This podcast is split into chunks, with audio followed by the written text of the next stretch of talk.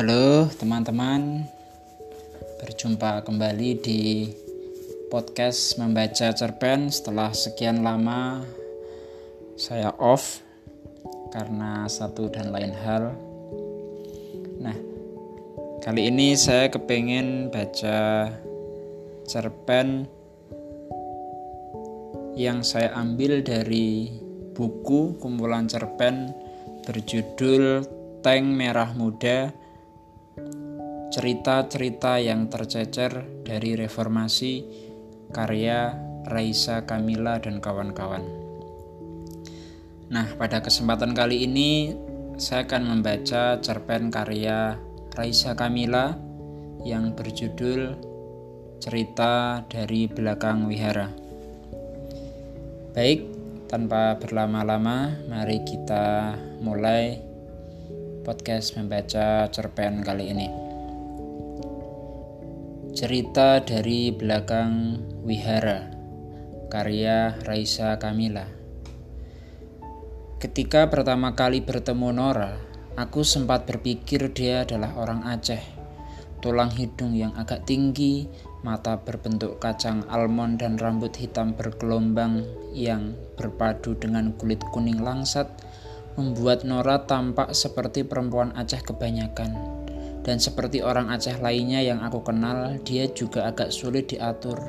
Setiap kali latihan basket di sekolah, dia sering datang terlambat, malas melakukan pemanasan, dan agak payah setiap kali diminta membagi bola ke orang lain. Tapi permainannya tidak jelek-jelek amat dan harus aku akui. Tanpa kehadiran Nora, suasana latihan menjadi agak membosankan. Menjelang turnamen antar sekolah di pertengahan satu bulan pertama, pelatih mengumumkan jadwal latihan akan ditambah di hari Sabtu sore dan Minggu pagi. Saat mendengar ini, Nora yang jarang berbicara denganku tiba-tiba menghampiri dan bertanya, Minggu pagi kan waktu ke gereja, kok jadi latihan ya? Awalnya aku pikir itu semacam caranya menunjukkan simpati padaku, tapi ternyata aku salah. Aku memang enggak ke gereja kok. Aku Buddha, jawabku. Dia tampak agak terkejut. Masa sih? Kok kayaknya aku pernah lihat kau pas lagi kebaktian di GPIB? Oh iya, aku pernah beberapa kali diminta nyanyi sama guruku, Bu Erlin. Dulu aku sekolah di Metodis dan dia kan ngajar juga di sana. Aku loh yang orang Kristen, tapi malah sekolah di Budi Dharma. Jadinya selalu dikira orang Katolik. Tukas Nora sambil tertawa canggung. Entah kenapa aku ikut tertawa. Kadang-kadang aku juga berpikir semua yang ber berbeda dari aku sudah pasti orang Aceh dan lantas beragama Islam. Jadi kau bukan orang Aceh. Aku lahir di sini sih, tapi mama orang Manado dan ayah orang Ambon. Dari obrolan itu, aku tahu bahwa Ibu Nora adalah pendeta dan ayahnya memiliki usaha bengkel di dekat pasar. Dia punya seorang abang yang mengidap sejenis penyakit langka dan menetap di Medan bersama seorang bibi, kakak dari ibunya yang hidup sendiri untuk pengobatan rutin di rumah sakit Santa Elizabeth. Kami jarang berbicara selain saat latihan basket dan hanya sesekali berpap berpas-pasan saat berjalan berpapasan saat berjalan ke kantin atau ke kamar mandi. Tapi diam-diam aku merasa agak lega dengan keberadaan Nora di sekolah ini. Maksudku, saat memutuskan masuk ke SMA negeri, aku memang membayangkan akan punya teman-teman baru dengan latar belakang yang berbeda denganku. Tapi mengetahui ada orang lain yang juga seperti aku, berasal dari sekolah khusus dan berusaha menyesuaikan diri di lingkungan yang hampir seluruhnya beragama Islam, membuat aku merasa tidak terlalu sendirian. Seorang teman dekatku di SMP, Gina, sebenarnya pernah mengingatkan, masuk ke SMA negeri itu agak menyebalkan. Karena kau terlihat berbeda, mereka akan mudah mengolok-olokmu atau lebih buruk mengasihanimu, kata Gina. Kalau bukan karena uang pembangunan di metodis yang semakin tidak terjangkau, mungkin aku tidak akan berpikir untuk sekolah di SMA negeri. Aku sempat merasa ragu, tapi juga tidak tega memaksa mama dan papa membayar lebih mahal, sementara nilai-nilaiku juga tidak terlalu istimewa. SMA negeri di kota ini bagus-bagus, kata papa. Lagi pula, belajar di lingkungan yang lebih beragam akan membuat pikiranku menjadi lebih terbuka. Imbuhnya lagi saat aku menceritakan keraguanku. Aku lantas mendaftarkan diri ke beberapa SMA negeri dan diterima di sekolah ini. Apa yang Gina katakan ada benarnya. Masuk ke SMA negeri itu memang agak menyebalkan. Selama masa orientasi, seorang abang kelas selalu memanggilku Amoy yang setiap kali aku melintas dia dan gerombolannya berteriak-teriak menirukan bahasa Mandarin yang mungkin pernah didengar dari serial kungfu di televisi. Aku sempat merasa agak kesal. Tapi kata mama, mungkin itu juga kali pertama mereka bertemu dengan orang yang berbeda. Jadi, mama menyarankan aku untuk menegur mereka dengan bahasa Aceh dan aku mencoba mengikuti saran itu. Alih-alih berhenti mengganggu, mereka justru semakin bersemangat dan mulai memanggil-manggil aku dengan bahasa Aceh. Benar-benar uraan. Kelakuan konyol abang kelas itu berhenti saat seorang guru kimia memergokinya, lantas memberi ceramah panjang tentang tenggang rasa dan kerukunan antar umat beragama. Aku juga diperbolehkan mengadu ke guru kimia ini, semisal abang kelas itu mengganggu lagi. Bagaimanapun aku merasa cukup betah di sekolah ini. Aku bergabung dengan klub basket sekolah dan punya beberapa teman sekelas yang menyenangkan. Teman sebangkuku, Icut, sering memberiku risol sayur buatan ibunya yang tidak pernah keberatan jika aku menyalin catatan pelajaran sejarah. Yuli dan Rahmi yang duduk persis di belakang aku dan Icut suka membawa majalah gadis atau Hai serta buku-buku Enid Blyton. Kadang-kadang aku meminjam buku atau majalah mereka dengan menukarkan, dengan menukarkan kaset The Moffats, Britney Spears, atau Boyzone. Tapi mereka bertiga sama-sama payah dalam urusan olahraga. Suatu kali aku pernah mengajak mereka ke kolam renang Tirta Raya dan ternyata tidak satu pun di antara mereka bisa berenang. Yuli dan Rahmi berusaha mengapung di kolam tapi selalu panik akan tenggelam. Icut malah hanya bermain air di kolam anak-anak dan mengajak makan bakso di seberang kolam renang sebelum kami pulang ke rumah masing-masing. Kalau saja warung itu tidak menjual tahu goreng, mungkin aku sudah pamit duluan. Belakangan aku merasa tidak semua hal dapat aku bagi dengan teman-teman sekelasku meskipun aku sangat menyukai mereka. Setelah libur catur bulan kedua, aku mendapati salah satu anggota klub basket, Karina, tidak ikut latihan lagi. Pelatih hanya mengatakan Karina pindah keluar kota mengikuti orang tuanya. Dari Nora aku kemudian tahu bahwa orang tua Karina memutuskan untuk pindah setelah mendengar desas-desus. Aceh akan segera merdeka dan sebaiknya orang-orang Jawa angkat kaki. Latihan basket terasa lebih sepi. Pikiranku melayang-layang membayangkan jika aku, mama, dan papa juga harus pergi dari tempat ini. Saat berganti baju di kamar mandi, Nora menghampiri aku dan dengan suara pelan berkata, Karina itu sebenarnya orang Sunda sih. Tapi dia asalnya dari Jawa juga. Iya, tapi bahasanya ya beda. Kayak orang Hakka atau Hokkien gitu. Sama-sama dikatain Cina dan memang asalnya dari Cina kan? Aku mengangguk sambil melipat pakaian, tapi pikiranku seperti tersangkut di tempat lain. Tapi aturan itu cuma orang Jawa aja kok. Kau jangan panik, tambah Nora. Yang terdengar agak menyebalkan seolah tahu apa yang sedang aku pikirkan. Kita kan nggak pernah tahu, misalnya tiba-tiba semua orang selain orang Aceh juga disuruh pergi gimana. Nora mengangkat alisnya dan memasukkan baju latihan ke dalam tas. Ya, kita berdoa aja, jangan sampai terjadi. Aku percaya orang-orang Aceh ini baik, cuma keadaannya aja yang lagi nggak stabil. Kau mulai terdengar seperti pendeta, gerutuku yang justru disambut oleh tawa riangnya. Iya itu tadi kata mama juga sih Dia udah berdoa katanya selama Tuhan gak menyuruh kami keluar Ya kami gak akan keluar Mama dan Papa dulu datang ke Aceh dengan petunjuk Tuhan juga. Sudah diutus di sini ya, di sini. Jawaban Nora terdengar semakin menyebalkan dan satu-satunya yang ingin aku lakukan adalah mengalihkan topik obrolan. Heran ya, kenapa coba dulu kakekku datang jauh-jauh dari Fujian ke tempat ini? Kakekmu juga menyebarkan agama? Enggak, kakekku dulu penjual sepatu. Oh, aku tahu.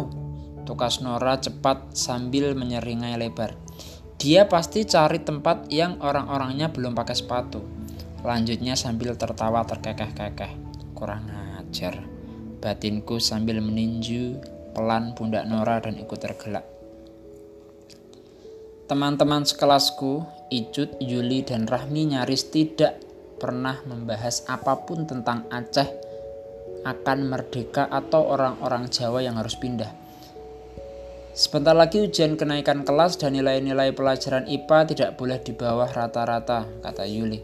Apa pun yang terjadi, keluargaku tidak akan pergi dari sini.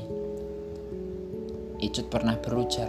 Rahmi tampaknya tidak terlalu peduli ibunya sedang melanjutkan studi di Australia dan ia sudah merencanakan untuk menyusul dalam waktu dekat.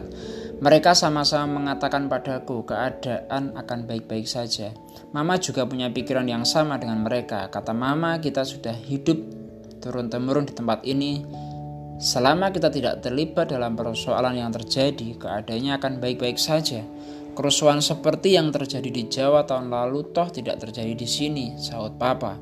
Aku kemudian berusaha untuk percaya bahwa semuanya akan baik-baik saja dan mengulanginya seperti mantra pada diriku sendiri saat menjelang pemilihan umum, saat menghadapi ujian kenaikan kelas, saat kabar tentang penentuan nasib sendiri semakin gencar, saat sekolah terpaksa libur karena ada sidang rakyat di Masjid Raya, Hari-hari tetap berjalan seperti biasa, seperti tidak terjadi apa-apa. Mama dan papa pergi ke toko kelontong setiap hari, menurunkan aku di sekolah, membongkar muat barang-barang, pulang ke rumah, berdoa, sesekali berpuasa, dan mengabarkan pada kerabat dan saudara di Medan serta Surabaya bahwa keadaannya memang baik-baik saja. Di antara segalanya yang terjadi, yang berjalan nyaris seperti biasa, sedikit hal yang berbeda setelah naik kelas adalah aku mendapati Rahmi sudah pindah ke Australia dan nilai-nilai Yuli hanya cukup untuk melanjutkan ke jurusan ilmu sosial.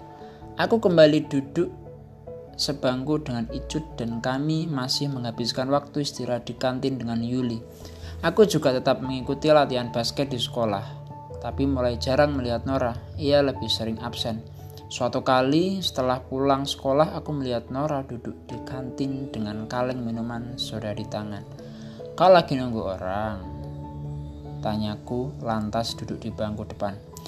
Enggak, cuma lagi nunggu parkiran sepi. Kau sudah nggak mau ikut basket lagi ya? Eh, kata siapa? Ya, kau nggak pernah latihan? Buat apa latihan? Toh nggak ada turnamen apa-apa dalam waktu dekat. Jawab Nora sambil menyeringai kecil. Lagian, kalau sore aku juga harus jaga rumah. Ayah dan mama sejak bulan lalu di Medan untuk temani abangku. Keadaannya makin kritis. Minggu depan dia mau ke Singapura untuk operasi. Lanjutnya sambil menyeruput sisa minuman soda di kaleng. Semoga abangmu bisa segera sembuh ya. Makasih, Ping.